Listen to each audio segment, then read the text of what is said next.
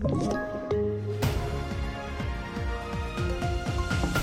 TV4-nyheterna börjar med att SAS-piloterna strejkar sedan klockan 12 idag efter att parterna inte lyckats komma överens. Omkring 900 piloter omfattas av strejken som påverkar uppemot 30 000 passagerare dagligen och så här sa Martin Lindgren vid Svensk Pilotförening efter förhandlingarna. Vi har kommit hit med en ambition om att trygga våra arbetsplatser och att bidra till SAS Forward. Det har inte lyckats. Vi har känt att målsnöret har flyttats gång på gång på gång och vad vi än har gjort så har vi inte kunnat komma i mål. Och vi skyller det på SAS. Vi har till slut insett att SAS vill inte ha en överenskommelse. SAS vill ha strejk. Danmarks statsminister Mette Fredriksen besökte idag köpcentret i Köpenhamn och hon kallade dådet igår för ett angrepp på oskyldiga människor. Den misstänkte 22-åringen ska formellt ha delgivits misstanke för tre mord och flera mordförsök när häktningsförhandlingarna inleddes under eftermiddagen.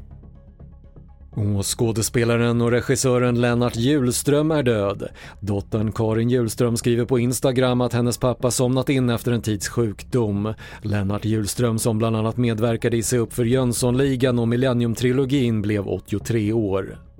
Fler nyheter hittar du på TV4.se. Jag heter Patrik Lindström.